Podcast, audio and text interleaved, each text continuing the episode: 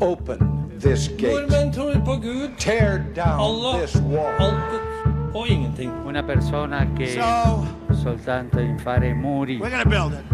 e non fare ponti. Neste stasjon er Drammen.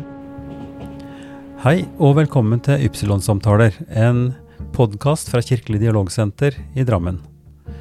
Navnet mitt er Ivar Flaten, og i denne episoden snakker jeg med eh, Roshan Rafat Maksudi. Roshan er født i Iran, inn i en bahai-familie. Hun eh, kom til London og fikk utdanning som eh, sykepleier og etter hvert jordmor. Kom tilbake til Iran og praktiserte i prestisjefylte klinikker. Men livet der ble umulig etter Khomeinis eh, eh, Iran, som ikke hadde plass for bahai-troende. Hun kom via Østerrike og til Norge. Og her i Norge har hun fått hjelp til å komme inn i faget sitt, har jobba i mange år eh, og har vært veldig aktiv i fritida si. Hun var også en av de som var med å stifte Drammen Omegn Tro Livssynsforum. Roshan har kjent på kroppen hva religiøs intoleranse betyr, og er opptatt av at alle blir inkludert i fellesskapet, og at vi kan møtes, selv om vi er svært forskjellige. Roshan eh, Rafat Maksudi, eh, det er veldig hyggelig at du ville komme og ha en prat med meg. Og si litt om eh, hvor du kommer fra, og hvordan du kom hit til Drammen. Ja. Mm. Eh, tusen takk, Ivar, at du inviterte meg for å vi snakker sammen. Eh, jeg er født og oppvokst i Iran. eh, og eh, gikk til skolen til jeg fikk artium. Så det var i 1963 som eh, Jeg er bahai. Tror på bahai-religion. Og da var det første eh, internasjonal kongress som var i London, i Albert Hall. Og jeg hadde lyst til å delta. Eh, samtidig som jeg eh, fullførte skolen og fikk artium, jeg hadde lyst til å eh, videreutdanne meg. Så jeg reiste, jeg reiste til England for å delta i den kongress. Samtidig tenkte jeg at kanskje hvis det er mulighet, jeg kan være der og studere videre. Så jeg snakket med min far og familie, og min far var veldig enig at uh, ja, du skal studere. Og du skjønner at i bahai-troen det er veldig viktig at kvinner skal ha god utdannelse. De mener at det er kvinner som blir mor, og det er første oppdragere for barn. Ja. ja. Og derfor eh, han var, min far var enig at jeg reiste. Mm. Etter kongressen var ferdig, så jeg eh, Det var første gang jeg eh, reiste fra mitt land til eh, Europa. Jeg kunne litt engelsk, fordi på, da jeg gikk i skolen, så vi lærte engelsk. Men ikke så mye. Jeg behersket ikke engelsk. Nei.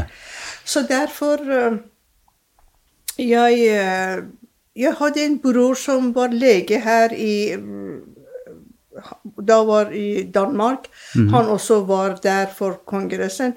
Og han visste at jeg eh, kjenner ikke England i hele tatt. Nei. For å leie f.eks. leilighet eller eh, åpne bankkonto og sånn. Han uh, prøvde å hjelpe meg. Og da jeg eh, fikk hjelp, og jeg fikk et sted å bo, og så eh, søkte jeg til eh, co- college for English. Mm, eh, Så jeg begynte å lære mer engelsk. Etter jeg ble litt kjent med samfunnet, så jeg tenkte at min ideal var at jeg ble lege. Ja. Men eh, på grunn av da var det vanskelig for meg Så jeg måtte ha mange A-level. Det betyr at jeg måtte studere Måtte ha gode, videre. gode, gode karakterer. Gode karakterer. Ja. Så jeg søkte å uh, gå til sykepleierskole. Ja. Men du, Roshan, før vi går videre på det, så er jeg veldig nysgjerrig på å vite litt mer om Du snakka om faren din, som var veldig eh, interessert i å støtte deg til at du skulle ta utdanning, og du snakka også om at bahai-troen legger vekt på det med utdanning. Men Ja. kunne du si litt om, om barndom og oppvekst eh, i Iran, hvordan det var? Altså familien din der? Ja. Eh, jeg er oppvokst i en veldig kjærlig familie. Mor og far var veldig snill, og eh, vi hadde, br- jeg hadde bra i barndom. Eh, min far var agronom. Og derfor han måtte eh, flytte til Nord-Iran, eh, selv om han var født i Esfahan, som er sentral i Iran. Vi flyttet til Nord-Iran fordi der var det eh, senter for teoppvokst. Te- Teplantasjer? plantasje. Ja, Min far var spesialist i å produsere te. Aha. Og han eh, da Det var under den gamle sjahen Reza Shah. Eh, Reza Shah sendte min far til eh, nåværende Sri Lanka. Ok. Eh, Da Ja, ja. var det Ceylon. Han eh, reiste der og eh, studerte og ble spesialist i teplantasjon. Og så vi var Nord-Iran, og jeg eh, For mange år, til jeg var åttende år Vi var i Teheran, som er hovedstad, så reiste, flyttet vi til Nord-Iran. En by som het Lahijan. Ja, akkurat. Har, har, har du, var det en stor familie? Hadde du søsken? Jeg har eh, Vi er fire søstre og en bror. Ja. Mm. Ja. Eh, jeg er nummer fire. Mhm. Først er en søster og en bror, så er annen søster og jeg, og Mm. Ja. ti år etter meg Så både fra Teheran og Isfahan og så opp til nord, eh, Nord-Iran. Nord ja. ja. Ja. Ja. Så eh, bakgrunnen for at du, at du reiste til London, det hadde altså med din bahai-tro Ja, det var i forbindelse med den første kongress som var i London. Ja. Og jeg, eh, jeg var veldig interessert. Eh, Min far sa til meg at eh, du er ikke bahai til du studerer selv. Fordi for eksempel han sa jeg er agronom. Du er ikke automatisk agronom fordi du er mitt barn. Mm. Men du må vite hva du tror på. Mm. Og hvis det er fint før du erklærer deg hva du tror på, studer. Ja. Du kan delta i den kongress og si hva de mener. Kanskje du har annen mening. Og da, jeg, Hvor, hvor gammel var du da? da var jeg eh, 20 år. 20 år, ja. Ja. Men hva slags eh, opplæring og hva slags praksis eh, hadde dere hjemme i forhold til religiøs tro? Gikk dere i noen forsamlingslokaler? Leste dere ting hjemme? Altså, hva betydde det for din familie å være bahaier da? Eh, du skjønner at eh, jeg også pleide å være med mine foreldre hver 19 dag, som vi kaller 19 dag fest. Vi har I den 19 dag fest vi eh, har program. Eh, det er eh, tre del program. Første del er åndelig, så vi ber.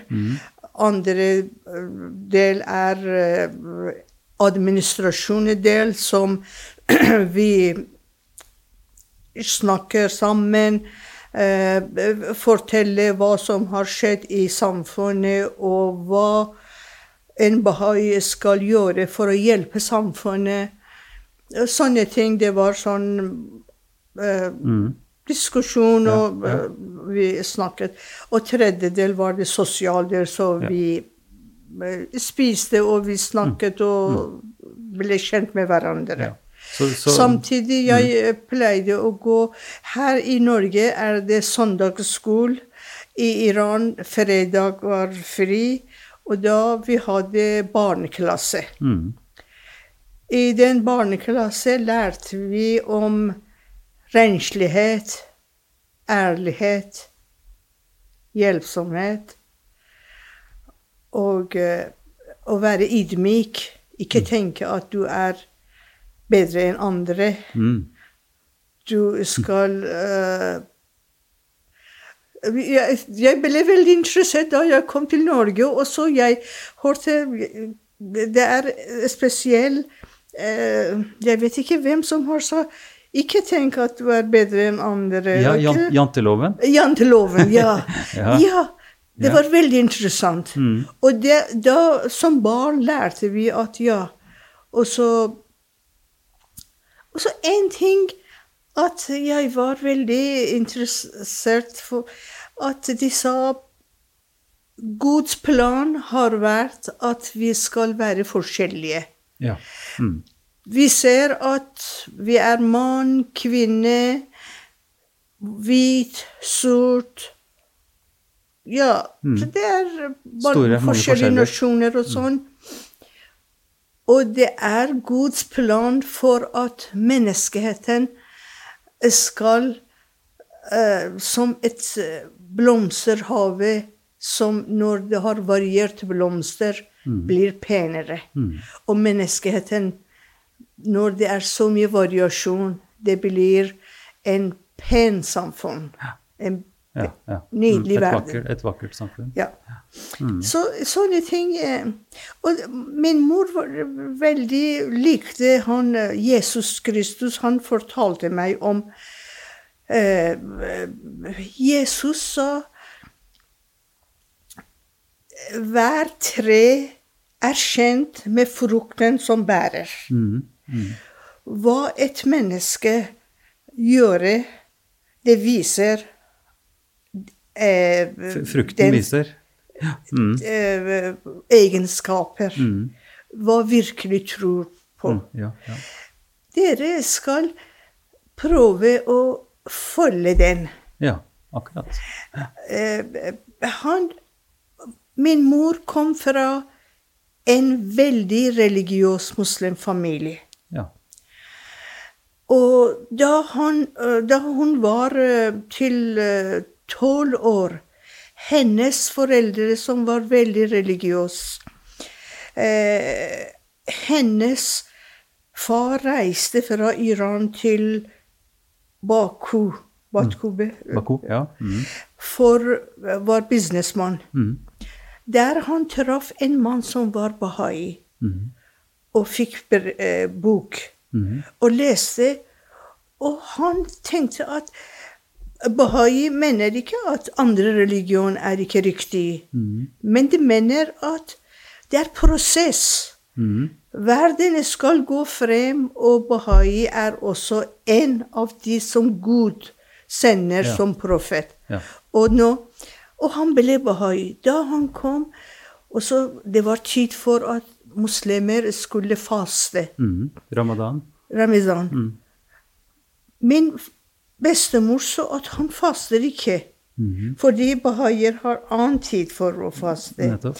Og hun var nysgjerrig hva skjedde mens han var borte, eh, som han ble forandret. Så begynte hun å snakke og snakke, og så selvfølgelig, Det er en lang story. Etter to år min bestemor ble bahai. Så først bestefar, og så bestemor. Bestemor. Ja. Så lenge de var i den fanatisk muslimfamilie, min mor og alle søstre var bare hjemmeværende. Mm. Gutter kunne gå på skole. Mm. De var hjemme og bare gjøre hjemmearbeid. arbeid. min mor sa jeg var veldig lei meg. Hver gang jeg så min bror sitter og tar en bok og leser, og noen gang ler, andre gang eh, bare tenker. Og når jeg ser på boka, jeg bare sier hvit og sort. Ja.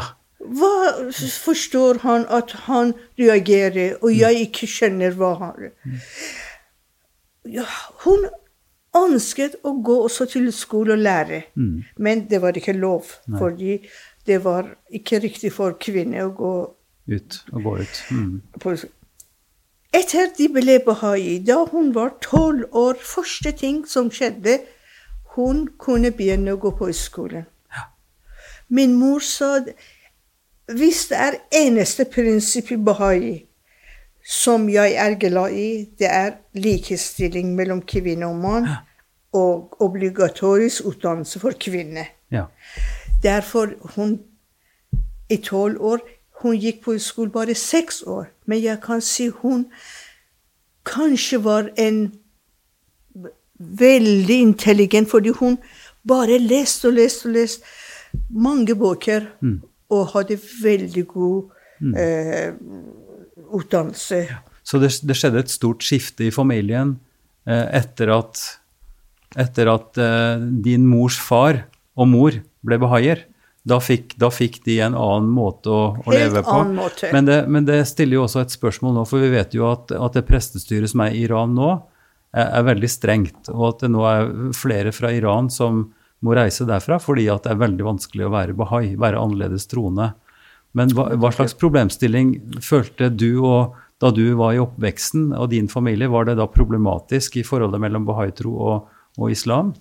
Eh, min foreldre, min mor og hele familie eh, Det andre familie ville ikke omgå med de, fordi de har skiftet religion, de konvertert konvertert til annen. Men eh, etterpå, da det var i vår tid eh, Da sjahen var Det var også restriksjoner å være bahai. For eksempel mm, eh, Det ville ikke at eh, For eksempel eh, Etter jeg kom Etter utdanning i England, jeg var tilbake, det ville ikke eh, Kunne ikke jobbe i offentlig Nei. fordi jeg var bahai. Du var, utdannet, du, var, du var utdannet sykepleier da når du kom tilbake? Først sykepleier, og så jordmor. Ja. Ja. Mm. Men uh, det var eh, Sjahen var redd av uh, mullaer. Mm. Eh, derfor eh, Han hadde ingen å gjøre, men det var mullaer som bestemte ikke noe bah- bahaiere skal ikke jobbe i offentlig. Så, så hva Vi kunne snakke veldig mye om dette, men vi altså Jeg forstår jo at det var en veldig viktig prosess i din familie, at din mor fikk dette, denne friheten, og at hun ville gi den også til sine barn. Ja. Slik at dere fikk eh, støtte i å skulle ta utdanning, og ble oppfordret til det. ja. Så dine søsken også hadde, tok, tok utdanning på den måten? Eh, ja, eh, min eldste søster, da Hun var litt eh, Hun studerte elleve år, så hun giftet seg. Min bror studerte Han ble lege og etterpå spesialist, og han eh, også var i Skandinavia og jobbet og fremdeles bor her i Norge. Mm. Pensjonist. Eh, Min andre søster også, hun giftet seg da hun var 17 år. Ja. Ja. Men jeg ville ikke gifte meg, jeg, fordi jeg så, så ung de var, og bare uh, være hjemme, og jeg ville opp, reise og oppleve Ja. andre steder. Og Jeg var veldig interessert i å studere. Ville ikke gifte meg, så Så da, da fikk du altså, etter den kongressen i, i London, så fikk du utdanning, sykepleier og, og jordmor, kom tilbake til Iran og fikk ikke jobb i det offentlige.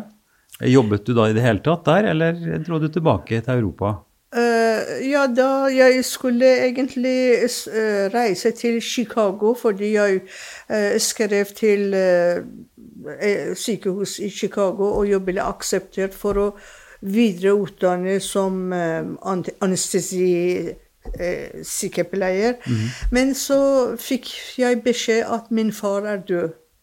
Og da mor var alene, bror var her, to søstre var gift og var borte, og hun var veldig deprimert, så jeg tenkte at eh, det er nok nå ja, for meg. Eh, Jeg kan reise hjem og så være litt med mor og se hvordan hun har det. Og da reiste jeg til Iran, så jeg søkte jobb, og eh, først eh, jeg fikk jobb i en eh, sykehus som tilhørte Bahai-samfunnet. Eh, jeg, jo- det var ikke jordmorstilling, men jeg sa jeg kan godt jobbe som sykepleier. Jeg ble ansvarlig for en uh, kirurgsavdeling eh, som sykepleier. Samtidig det ville at jeg uh, undervise engelsk, Eh, og det gjorde jeg for to år. Så, eh, men jeg så i avisen det var De averterte eh, en eh, organisasjon som tilhørte sjahen. Ok. Og eh, med nesten tre ganger mer betaling enn der som jeg jobbet. Og jeg søkte og fikk jobben. Ja. Og selvfølgelig det var veldig fint, fordi de mente at å, du er så rik, du får så mye. nå». ja. Og så jobbet da som eh, jordmor. -hmm. Fikk eh, hvile og fikk eh, veldig Det var veldig bra. ja. Til jeg giftet meg og jeg måtte flytte til annet sted. En lite sykehus som også tilhørte eh, samme organisasjon. Mm -hmm. der også jeg fortsatte å jobbe til bare eh, islamisk revolusjon. I 1989 1979. 79, så klart. 79. 79. Ja, ja, ja. ja. Da jeg kunne ikke jobbe lenger. Hvordan, Jeg- hvordan var det? Ble, ble det Fikk du beskjed om at du ikke kunne, eller hva skjedde? liksom? Hvordan opplevde du Da det? du, du tilhører en religion som er ikke gyldig. Vi aksepterer ikke en ansatte som jobber her som ikke muslim, er muslim. Eh, Enten du kan konvertere deg, eller mister du jobben. Jeg sa jeg har lyst til å snakke med dere. Eh, og eh, uten fordommer. Dere kan stille spørsmål, og jeg kan fortelle dere hva jeg mener, uten at vi eh, eh, nekter hverandre hvis det er riktig. Ja. Eh, men nei, de ville ikke snakke med meg. Dette er en Ypsilon-samtale fra Kirkelig dialogsenter Drammen. I denne episoden snakker jeg med Roshan Rafat Maksudi. Samme skjedde til min mann. Men, men tenkte du noen gang på at det ville være enklere å konvertere? Altså bare si at, du, at det var greit å være muslim, liksom? Eller er, ble det et så sterkt samvittighetsspørsmål og så viktig at du ikke kunne det uten å miste deg sjøl, eller, eller få et stort problem? Nei, jeg er eh, glad at jeg fortalte den riktige ting som jeg trodde på. Jeg ville ikke løgne. Nei. Det verste i vårt samfunn er et menneske løgne. Ja, og lyve. Og li livet. Ja, ja. livet. Ja, ja. Og jeg ville ikke bare for eh, juridiske Nei. Bare for penger eller for jobb. penger. Sannhet er viktigere enn jobb. Ja, samvittighet er viktigere enn jobb. Men hva slags praktiske følger fikk det? Du hadde ingen inntekt mer? Du mistet jobb? Mannen din mistet jobb? Hva Eh, skulle dere gjøre da? Ja, da selvfølgelig. Vi hadde jobbet mange år, begge to. Og så vi hadde hus som vi eide, og så vi holdt på å bygge en annen hus. Og så, men eh, jeg arvet en del fra min far og han, og så Så vi, inn- eh, økonomisk vi, det var ikke, vi hadde ikke vanskeligheter. Nei. Men selvfølgelig, når vi mistet begge to jobben, Ja. og så vi holdt på å bygge et hus. Det er en ingeniør som eh, vi jobbet for oss. Han sa til oss at hver gang vi har brik og sånne ting som vi skal bygge, de kommer og stjeler muslimer, fanatiske, sier at her skal bygges en Bahai-familiehus. Så det skal ikke gjøre. Han sa at nå er det sommer, vi kan reise til eh, utlandet. Vi, to familier, vi hadde to barn hver, reiste til Østerrike. Bare for å Vi trodde at det blir annerledes etter revolusjonen. Det blir kort tid, og så vi kan Ja. tilbake. ja. Så vi reiste til Vienna, til Østerrike. Men vi hadde kontakt med min manns mor, fordi hans far døde. Og min eh, far var død. Hun, eh, hver gang vi snakket, hun sa dersom dere har mulighet til å fortsette å bo der eh, i Østerrike, det er best å gjøre, fordi situasjonen i Iran er så elendig nå at de bare dreper, de tar eiendeler av bahaier, eh, mister jobb. Så det blir veldig vanskelig for dere. Men det var sommer vi reiste. Og eh, ja, vi reiste med to kofferter med sommerklær og ting. Med to små barn. Min yngste var ett år og tre måneder. Eldste var mm, litt over fem. Eh, hvordan skal vi Også da var det ikke den eh, eh, hva heter visakort og sånn. Vi hadde ikke det. Vi måtte ta, ha kontant. Ja. Eller Americans Express og sånn. Ja. Så vi hadde ikke mm, så mye å leve uten å jobbe.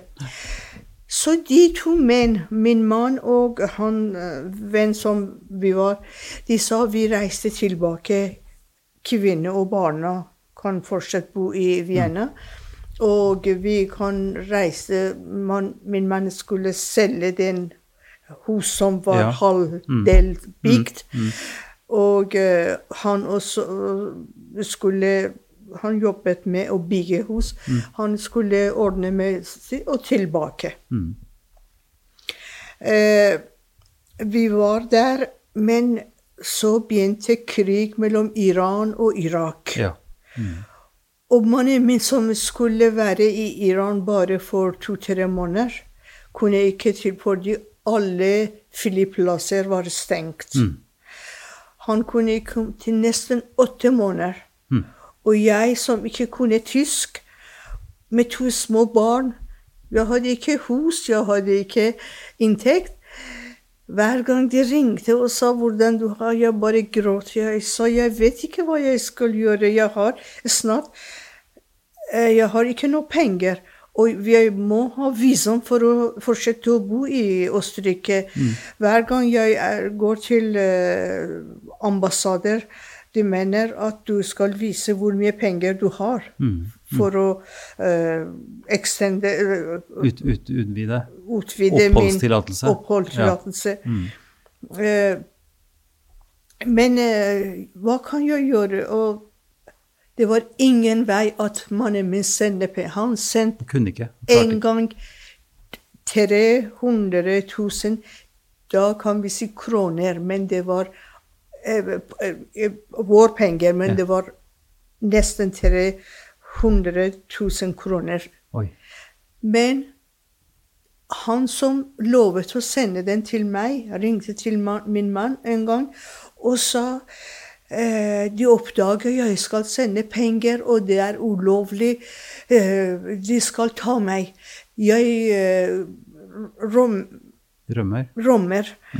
Fordi jeg vet ikke hva de skal gjøre med meg. Kanskje i fengsel, kanskje skal okay, ja. eh, drepe meg. Så jeg fikk ikke penger. Han forsvant med pengene? forsvant pengene. Til nå jeg har ikke fått den 3000 kroner. Så hver gang de ringte, jeg sa Og så nå er det flere måneder jeg er der. Dessverre, akkurat den, da vinter starter veldig tidlig Ja. motsatt uh, andre gang de mener at det var november, kanskje kommer snø. Men det begynte å komme snø i oktober. Og barna har bare Selvfølgelig lille vokser, og den andre eh, vokser, og de trenger mer klær, varme klær. Jeg har ikke penger, hva jeg skal gjøre? En gang i, jeg var så frustrert. Jeg har det masse Smykke. Gul smykker og sånn. Jeg tok alt.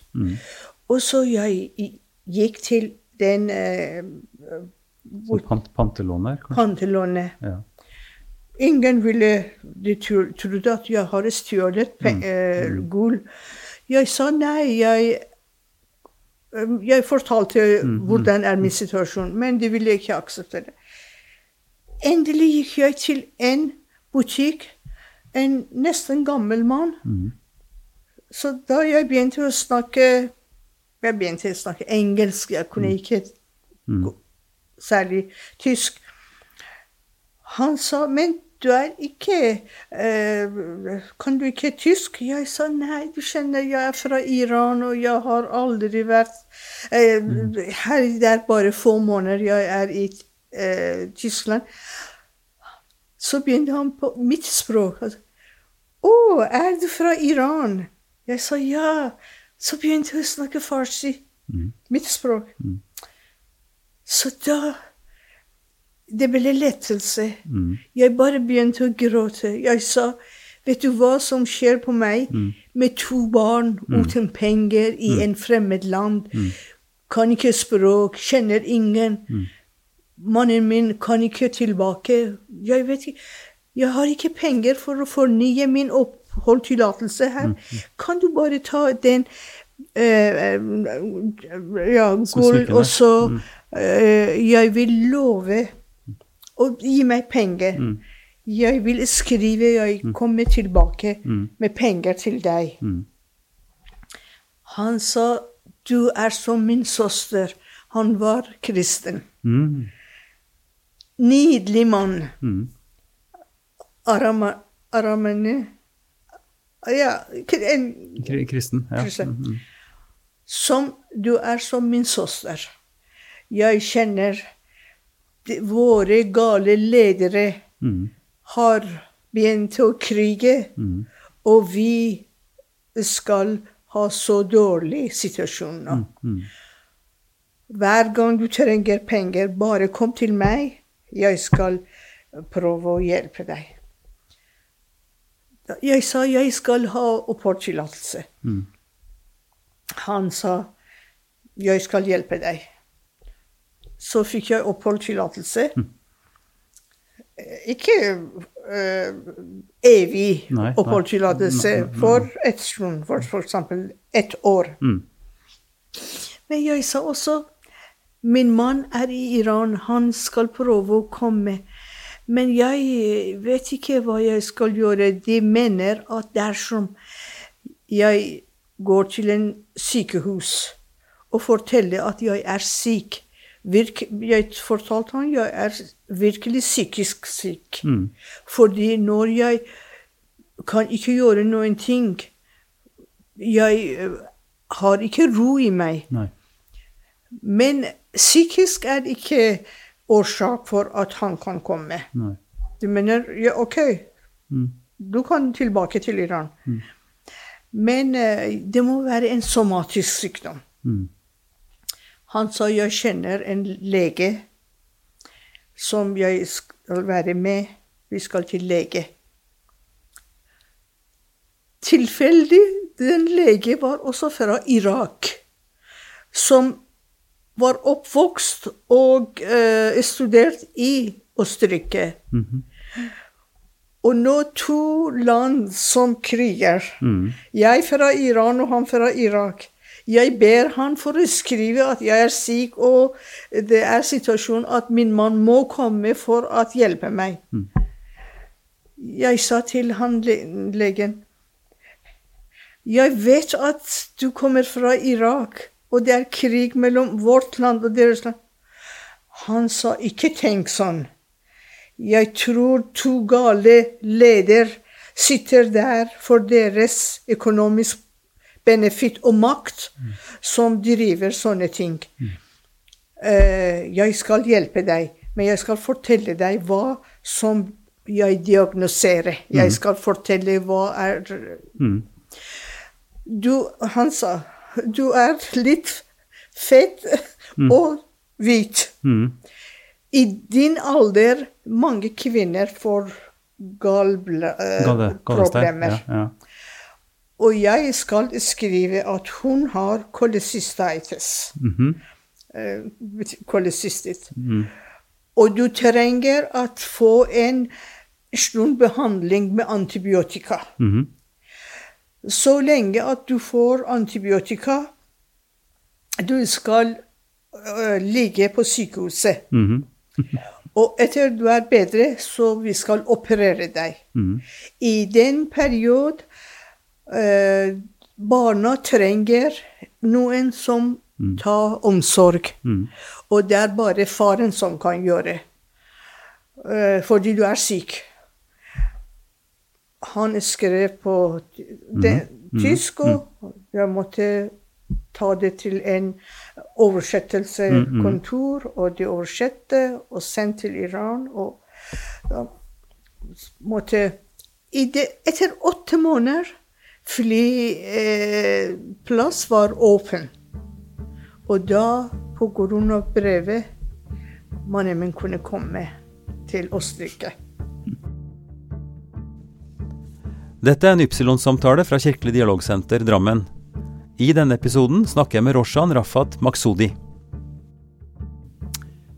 Det som gjør inntrykk, er jo at du da fikk den hjelpa du trengte da du kom til Østerrike, av en armensk kristen, tilfeldigvis, og så en irakisk lege. Og så fikk du mannen din eh, over, og dere kunne på en måte begynne litt på nytt. Og nå har du bodd i Norge veldig lenge. Hvordan kom du hit, og hvordan var den starten igjen i Norge? Eh, Ja, da vi var i Østerrike jeg, eh, jeg måtte jobbe fordi vi var ikke flyktninger. Så det var en eh, lege som eh, hjulpet meg for å jobbe i en eh, sanatorium. Eh, jeg fikk en eh, kontrakt for ett år. Eh, Jeg kunne jobbe der. Eh, Men eh, fra begynnelsen de fortalte at dersom samme jobben etter et år, eh, kontrakten er ferdig, og vi averterer igjen, en østerriksk eller en fra Jugoslavia eh, søker samme jobb, det er de som får jobben, ikke du. Um, og Hvor, hvorfor det? fordi det, det var Jeg var fra ikke Tyskland, Østerrike. Mm. Det ville at den kontrakten var ett år, så etter jeg var ferdig eh, Det var deres eh, regler. At eh, hvert år averterte for så med en gang jeg var ferdig mm, etter et år jobben, så det var en fra Øst- Østerrike som søkte og fikk jobben. Og da ble jeg arbeidsledig, og mannen min som ikke jobbet. Så jeg har, det, jeg har en bror som bodde i Norge, og det var sommer da jeg ble arbeidsledig. De skrev at dere kan komme for øh, besøk til Norge. Eh, Jeg hadde kjøpt en liten bil, så vi, samme bil vi eh, fikk visa fra ja, flere land til vi kommer til Norge og besøker de. Vi kom til Norge, og i sommer bahaier har eh, sommerskole. Eh, som da var i nærheten av Beitostølen. Hvilket år var dette da? Det Det var var på i 80-tallet? eh, 1982. Ja. Mm. Eh, Vi kom hit, og de sa nå er det sommerskole, dere kan være med og eh, se eh, bahaier som bor her i Norge. Eh, så vi var med, selvfølgelig. Alle må betale for opphold og sånne ting, og vi hadde ikke veldig god økonomi. Jeg sa til min bror at uh, vi har ikke mulighet til å komme på den grunn. Uh, men uh, vi snakket med Nasjonalt åndelig råd, som er organ som er i eh, Norge. Eh, de mente at vi kan låne dere så lenge dere ikke jobber, så eh, få penger og delta, så betaler dere senere tilbake. Så vi deltok der. Og i den sommerskolen jeg ble kjent med en eh, bahai, norsk bahai-mann eh, som jobbet i daværende arbeidsformidlingen. Mm -hmm. Da vi snakket om vår situasjon, han skjønte helt hvordan vi har det. Han sa 'Hvorfor skal ikke dere bo, eh, fortsette å bo her i Norge?' Jeg sa eh, 'fordi vi kan ikke språk'. Eh, Vi vet ikke hvordan vi skal komme frem for å få oppholdstillatelse. Han sa 'jeg kan hjelpe der, dere'. Jeg kjenner en advokat som er godt kjent med Irans situasjon og bahaier. Og jeg skal skrive brev, og den sekretæren fra Nasjonalt åndelig råd vil bekrefte at dere tilhører Bahai-samfunn. Og dere kan ta det til advokaten, og han skal eh, sørge at dere får oppholdstillatelse og arbeidstillatelse. Mm. Vi var så heldige da at vi fikk den etter flere måneder, selvfølgelig. Og da vi eh, Den advokaten skrev til Drammen Jeg hadde en eh, Min eh, søsters sønn bodde i Drammen og hadde eh, teppebutikk og hadde hus. Han sa Tante, kom, og dere bor hos meg foreløpig. Det er ikke eh, veldig fint hus, men det er bra for å Vi var en måned hos de, til sosialkontor har gitt Vi ble akseptert som flyktning. Mm -hmm. okay. ja. uh, bo i Norge. Så fikk vi hus på fjell. Uh, Leilighet på fjell. Selvfølgelig for meg som hadde god posisjon som jobbet i Iran, og min mann som var jurist og jobbet på universitet som veileder. Det var nedverdig å bli flyktning. Ja. Ja. Og vi måtte få penger i begynnelsen før vi jobber fra sosialkontor. Noe som hver gang jeg var i sosialkontor, jeg ville bare dø. ja. Det var så nedverdig. Jeg kunne ikke orke. Jeg ville begynne å jobbe så fort som mulig. Så vi begynte å eh, De sa at dere kan prøve å gå på norskkurs. Det var ikke organisert som nå er det så flott for alle som kan gå hver dag til norskkurs. Da var det bare to timer per uke, og da var det en dame, en nydelig norsk dame, Sala Nygård, som var eh, sjef for innvandrersenteret. Eh, så jeg, jeg ble kjent med henne. Hun sa du som kan engelsk, jeg tror du vil lære norsk raskere. Så jeg begynte å lære norsk.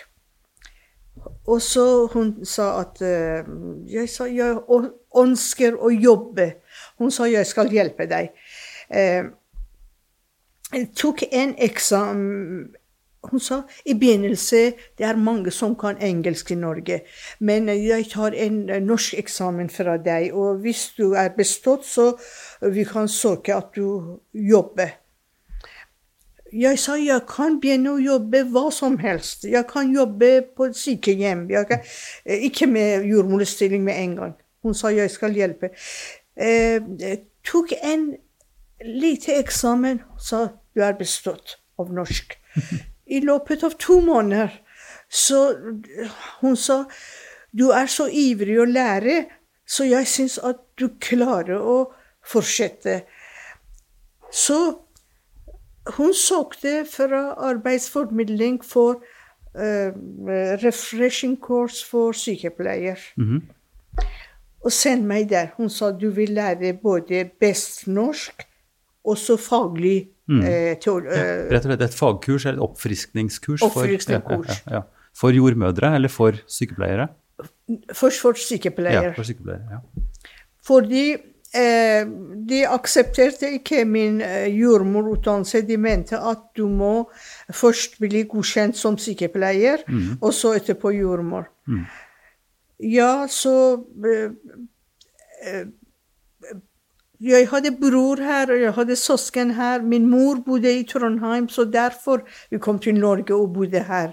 Fordi min flest nærmeste familie bodde i Norge, Ja, men ja. Vi hadde plan, ikke plan å komme til Norge, men så skjedde, og vi er veldig heldige at uh, fikk god hjelp. Eh, da uh, jeg begynte på den eh, refreshing course for sykepleier, så de mente at jeg sa ja, men jeg skal jobbe som jordmor. Men først jeg begynte å jobbe som sykepleier i Åsgården alderssenter. For eh, ett seks, et år, seks måneder eh, fulltid. Til jeg lærte mer uh, norske samfunn og medisin som bruker. Eh, de, de sa at for at du blir godkjent, vi må ha din papir. Jeg var heldig at jeg var utdannet i England. Fordi jeg hadde ingen papir fra Iran. Men så Det var helsedirektoratet. De skrev brev til jeg sa hvor jeg er utdannet i Chase Farm Hospital, Enfield, Middlesex i England. Nord-England.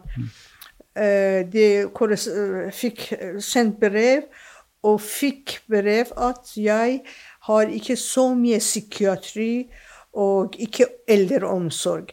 Noe som da jeg var student, eh, eldreomsorg var i samme avdeling med medisinavdeling. Okay. Fordi alle kroniske mm, eh, sykdommer eh, lå der. Det var ikke en spesiell avdeling for Nei. eldreomsorg.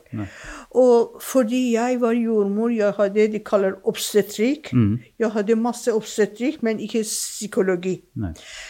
Så jeg måtte ta eh, eldreomsorg, psykologi og eh, sosialmedisin og lovgivning. Så de tre jeg tok på Olivell sykehuset her eh, Det var også Sala Nygaard som hjulpet meg for å sende meg til eh, Alltid noen gode hjelpere. Det var så fantastisk menneske som jeg ble kjent med. Så uh, hjelpet jeg eh, Og da jeg måtte praktisere både psykiatrisk tre måneder omsorg. Jeg sa, men jeg skal jobbe som jordmor. Eh, Psykiatri, det er OK. Eldreomsorg er OK. Men er det ikke annen mulighet å eh, eh, gå på kurs litt kortere tid? De sa ja, det er. Og det er du kan gå til psykogeriatri. Det betyr at du kan samtidig som lære psykologi, du kan passe på eldre som har demens, og det er ja, Alzheimer eller Så gikk jeg til eh, eh, li, eh, Asker Nei, det er Asker, ja. Syk Sondre Borgen, Søndre nummer syv. Aha, okay. Jeg begynte der. Istedenfor seks måneder ble det tre måneder. Så ble jeg godkjent som sykepleier. Men selvfølgelig, jeg var godkjent. Jeg jobbet som uh, sykepleier. Jeg fikk sykepleierlån i uh, aldershjem, uh, skole. Men uh, så etter eh, 18 måneder som sykepleier søkte jeg på sykehuset som jordmor. Og selvfølgelig, da, da fikk jeg Det ville eh, ansatte meg fulltid, men jeg hadde to små barn, og jeg måtte hjelpe dem. Eh, Jeg sa jeg kan jobbe halvstilling hvis det er mulig, og det var mulighet. Så jeg jobbet halvstilling som jordmor på sykehuset fra eh, 1986 til Jeg ville fortsette til jeg ble pensjonist, men så eh, på slutt jeg fikk svimmelhet, og jeg måtte slutte i nitt- eh, 2002 Ja. som jordmor. Men uh, jeg trivdes veldig godt som jordmor, og fremdeles jeg ser mange som i byen når kommer til meg og hilser. og Jeg hadde veldig god opplevelse. Ja. Dette er en Ypsilon-samtale fra Kirkelig dialogsenter Drammen. I denne episoden snakker jeg med Roshan Rafat Maksudi. Dette er jo en lang og, og, og veldig interessant historie, for det handler både om å bli tatt imot og få hjelp på de forskjellige kritiske punktene, både i Østerrike, Wien, og også altså kontakter her som hjalp deg videre i Norge, og gode mennesker i systemet som også kunne hjelpe deg til å komme videre. Men du har også Jeg ble jo kjent med deg, Roshan, da vi var i ferd med å etablere Drammen eh, og Omegn tro- og livssynsforum, ikke sant, DHTL. Ja. Eh, slik at du var veldig tidlig ute også å vise interesse. Dette var jo da i 2007. Eh, så da hadde du vært eh, pensjonist en stund, eller jobba du også da? ja. Eh, for du, du, du måtte slutte pga. svimmelhet i begynnelsen av 2000-tallet. Men jobba du videre også etter det, eh, med andre ting enn jordmorjobben?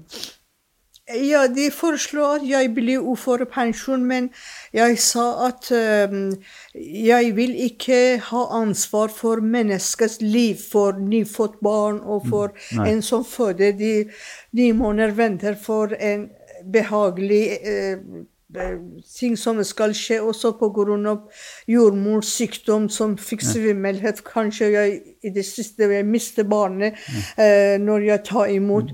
Eh, derfor jeg vil slutte som jordmor. Men ting som jeg har ikke direkte ansvar med menneskets liv, jeg kan godt fortsette. Fordi jeg syns at å jobbe, det er en slag tilbedelse. Mhm.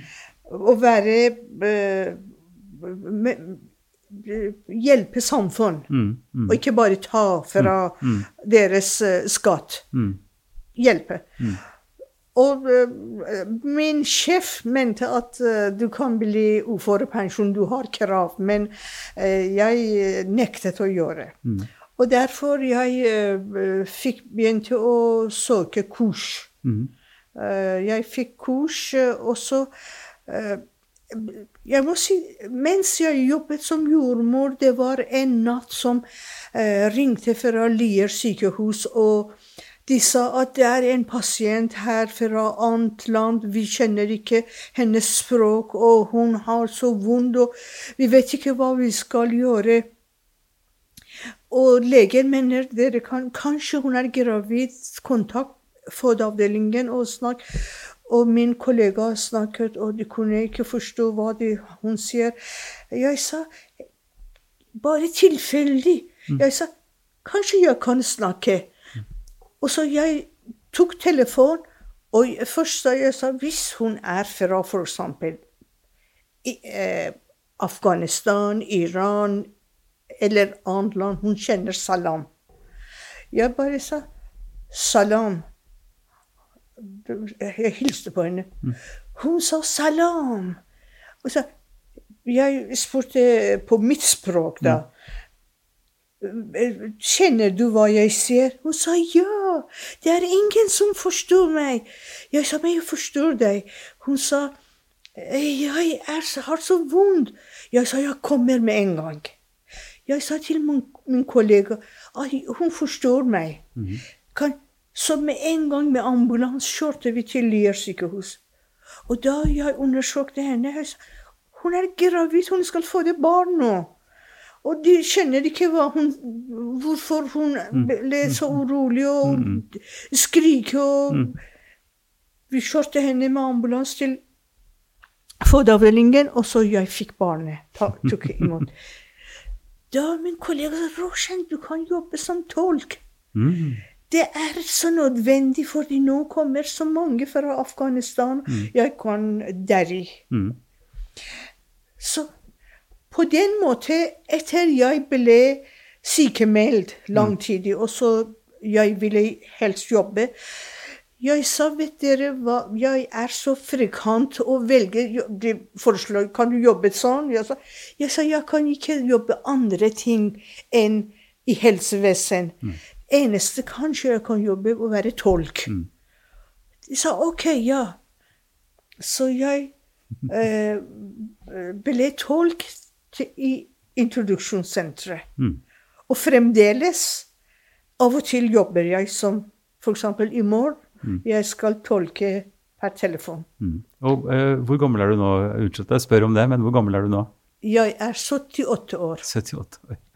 Ja. Fremdeles aktiv som tolk, men ikke som jordmor. uh, nei, ikke jordmor. Nei. Nei.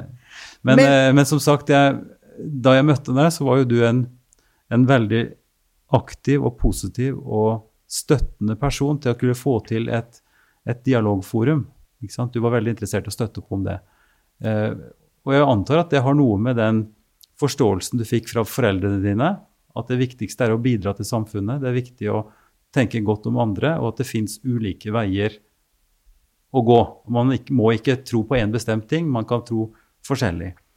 Så eh, det syns jeg også er et bidrag som du har gitt. Men hvor, jeg forstår det jo slik at du følte at du ble tatt imot på en veldig god måte, og at du har trivdes, at du har hatt et godt liv sosialt også i, i Norge. Eh, så hva er forholdet mellom det å være iransk-norsk, altså det å ha et iransk eller bahai-miljø hvor, hvor, hvor, dere eh, hvor, dere er enige på en måte og har et fellesskap, og det å være en del av det norske samfunnet? Har det vært en problemstilling? Har det vært vanskelig å være en del av det norske? Jeg må si at uh, det skjer at det kommer vanskeligheter. Jeg husker det var en dame, Marit Foss. Mm. Hennes mann var lege her. Hun spurte Roshan Kjenner du fordommer? Liker mm. deg ikke? Mm. Jeg sa Marit, jeg må akseptere, jeg kommer fra annen kultur her, kan ikke godt norsk. Kanskje jeg kan ikke omgås som de ønsker, men jeg aksepterer at deres reaksjon. Indre Jeg er glad i alle mennesker. Jeg blir ikke lei meg fordi deres reaksjon er negativ. Jeg tror at det er på grunn av uvitenhet. Det kjenner ikke meg. De vet ikke at jeg er så glad i samfunn. Jeg, vil, jeg er her for å hjelpe. Jeg tror at uh, kanskje jeg har fordommer. Jeg er glad i kristen, muslimer, buddhist Alle folk, uansett hvem de er. Mm. Derfor jeg prøver å først bli venner med de og dersom i fremtid de vil, de kan fortsette. Ellers de kan bare nekte. Glemme meg. Mm. Og eh, det har skjedd noen gang at uh, de ville ikke uh, akseptere, men uh, jeg aksepterte at det er fordi jeg kommer til deres land. Mm. Kanskje jeg hadde samme reaksjon hvis de kommer og tar min jobb i mitt land. Men uh, Ikke med min selvfølgelig mentalitet, men uh, Da vi kom hit i hvert by som er nybahaier, vi danner hva vi kaller lokalt åndelig råd. Mm -hmm. Og da vi kom her til Drammen, det var bare to bahaier. Mm. Så vi kom, ble fire. Mm. Så kom gradvis etter ett år, i 1984 mm. Vi var ni, og vi dannet lokalt åndelig råd. Mm. Da vi Jeg selvfølgelig automatisk ble medlem.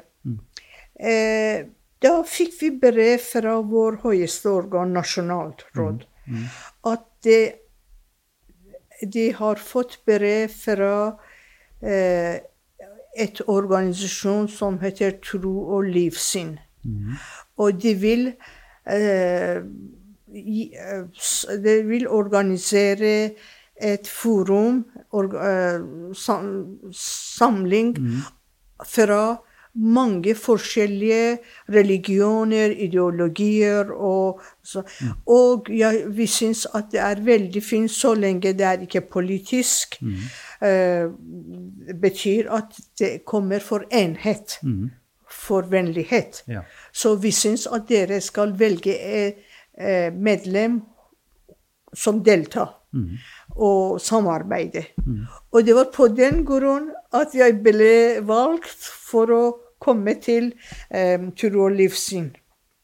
Så kom jeg til dere ja. mm. og ble første gang kjent med, heldigvis, ja. du, Ivar Flaten. ja, Og det er altså tilbake i, i, eh, i 2007. For da startet vi DOTL, Ja. og det er nå tolv år siden. Snart elleve år eller tolv år? Tolv år. Tolv år, ja. ja, ja. 12 år. Vi, begynte i 2007, og så ble det stiftet i 2008. Og, og Bahai-samfunnet, der har vært Arne Kittang, som har sittet i Nasjonalt råd, som har vært aktiv der, og, og dere har vært med herfra. Ja. Så en, eh, din historie er jo interessant fordi den viser eh, altså Det du har fortalt nå, er jo både utgangspunktet ditt fra Iran, eh, at du har fått mye hjelp på forskjellige steder og har hatt et stort pågangsmot og kunnet komme i gang og bli en del av, av samfunnet her. Så eh, vil du til slutt si noe om eh, hva du tror? Altså Nå har vi jo alltid Det kommer stadig flere. Det kommer folk som er flyktninger, det kommer til introsenteret. Det er mange ulike nasjonaliteter. ikke sant? Vi har tyrkere, vi har afghanere, vi har folk fra Iran. Eh, Og vi er alle drammensere. Jeg pleier å si at alle som bor her, vi er i samme by, og vi er i samme, samme ja, vi, vi er like, samtidig som vi er veldig forskjellige. Og, og, og en av oppgavene som mitt dialogsenter og det vi har prøvd på i Dialogforum, og sånt, er jo å, å finne arenaer og måter å være sammen på. Arrangementer og ting som gjør at vi kan oppleve å bli mer kjent og få den tryggheten. ikke sant? Som gjør at jeg kan si at jeg kjenner deg nå, jeg vet hvem du er, og at du, at du er et menneske som vil bidra. Hvordan vil du, vil du foreslå, hva, hva tror du er det beste for å kunne møtes på en sånn måte? Hva kan vi gjøre for å bli enda bedre, en enda bedre by? Det er veldig gode spørsmål. Jeg tror vi skal begynne med barna. Fordi eh, grunnlaget av eh, eh, utdannelse og oppdragelse begynner i barndom. Mm. Hvis vi eh, forteller dem at det er mange forskjellige mennesker i vår samfunn, kommer fra forskjellige kulturer og forskjellige eh, steder. Kanskje kan ikke språk, men du vil, fordi de er ikke fått her. Vi må ikke se på de som fremmed. Vi skal prøve å hjelpe dem. Kan de ikke språk, prøv å lære dem språket. Eh, lære dem om kjærlighet, om ærlighet, om sånne ting. Når de vokser gradvis, og så fortelle om For ungdommer, jeg tenker, å ikke bruke f.eks. Eh, narkotika og sånn. Heller ikke alkohol, som er veldig vanlig i samfunn. At jeg tror at det er en del av eh, kultur, kanskje. Eh, jeg syns at eh, hva dere gjør, det er veldig bra at vi kom sammen. Men jeg må si én ting, at da vi begynte eh, først den eh, trolivssyn, det var to-tre ungdommer som fra muslim eh. Mm. Og da vi fortalte at uh, Jeg sa at Bahai kommer fra Bahai-samfunnet. og eh, han sa jeg har aldri hørt om Bahai, og jeg fortalte at Bahai er moderne religion, og det er vår kalender er 100 og for eksempel 60 år da. Og hun sa nei, skal ikke komme religion etter Mohammed. Og du er eh, Vet du hva, i islam du er ikke akseptert. Og de som mener at tilhører annen religion etter islam Hun fortalte meg at du skal straffes. Ja. Så det var den jeg eh, tenkte. Men uh, nå kommer de ikke. De Vi har, uh, vi har jo mange muslimske foreninger som er med, så vi har en eh, det er, ikke, det er jo forskjell på muslimer, som du vet. Det er noen som er veldig strenge, og som tolker så strengt. Men eh, vår målsetting er jo ikke at vi skal bli enige, men at vi skal kunne sitte sammen og snakke sånn som vi gjør nå, Ja. og bli kjent med, med hverandre. Og da, da håper jeg jo at vi også kan motvirke slike holdninger, at, at eh, mennesker vil nekte nekte og at f.eks. at en bahai skal få lov til å, å tro på sin følge sin overbevisning, at en muslim så klart skal følge sin overbevisning, men vi må gjøre det på en måte som gir rom for alle, og som ikke skader. Så den holdningen som ble sagt, disse ungdommene som sa at det ikke er lov å ha noen annen tro enn islam, vil jo ha et problem eh, i samfunnet og i, i et dialogforum. Så vi jobber jo nettopp med den eh, forståelsen av at vi skal kunne være sammen og kunne ha det godt sammen som mennesker, selv om vi tror forskjellige ting. Men det er ikke noe lett oppgave. Men tusen takk for eh, samtalen og for at vi, at vi kan fortsette. Og, og så får du ha lykke til videre med, med ditt arbeid, både som tolk og i, i det sosiale ellers. Tusen takk for at du inviterte meg. Ypsilon-samtaler er en podkast fra Kirkelig dialogsenter Drammen. Du finner mer informasjon om oss og hva vi driver med på kddrammen.no. Hvis du ønsker å høre flere samtaler, søk på Ypsilon-samtaler på din podkast-app, eller gå til våre nettsider. Ypsilon-samtaler er støtta av Drammen kommune og Barne- og familiedepartementet. Ansvarlig utgiver er Kirkelig dialogsenter Drammen, ved daglig leder Ivar Flaten.